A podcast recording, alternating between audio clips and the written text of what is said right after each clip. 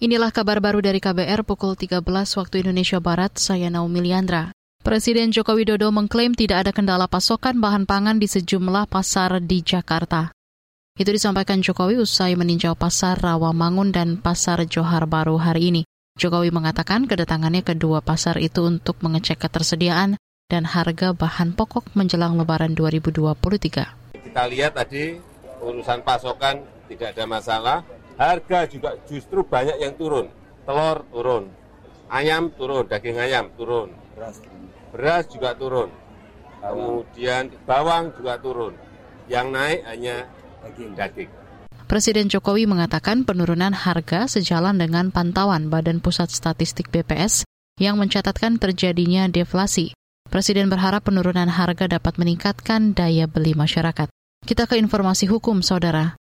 Bekas Kapolres Bukit Tinggi Dodi Prawira Negara mengaku tidak bisa menolak perintah bekas Kapolda Sumatera Barat Teddy Minahasa untuk menyisihkan barang bukti sabu.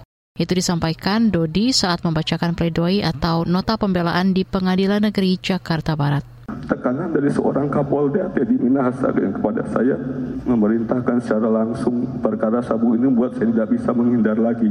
Yang mana perintah penyisian tersebut sudah saya tolak dua kali kepada Kapolda namun penolakan saya tersebut sama sekali tidak dihiraukan.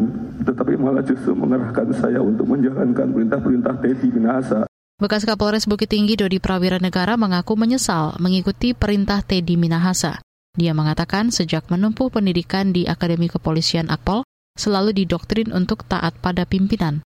Sebelumnya jaksa menuntut Dodi Prawira Negara 20 tahun penjara dan denda sebesar 2 miliar rupiah subsider 6 bulan penjara dikurangi masa penahanan yang telah dijalani.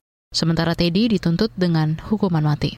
Beralih ke informasi mancanegara, serangan drone militer Amerika Serikat menewaskan pemimpin senior ISIS. Dilansir dari CNN, pemimpin ISIS itu teridentifikasi sebagai Khalid Aid Ahmad al-Jabori. Dia tewas dalam serangan drone di barat Laut Suriah. Wilayah itu selama ini menjadi tempat persembunyian para pemimpin ISIS. Beberapa sumber menyatakan Al-Jabori tewas diserang di dekat rumahnya di pinggiran desa Kaftin. Di sana dia tinggal bersama istri dan anaknya. Komando Pusat Amerika CENTCOM memastikan tidak ada warga sipil yang tewas dalam serangan itu. Demikian kabar baru saya Naomi Liandra.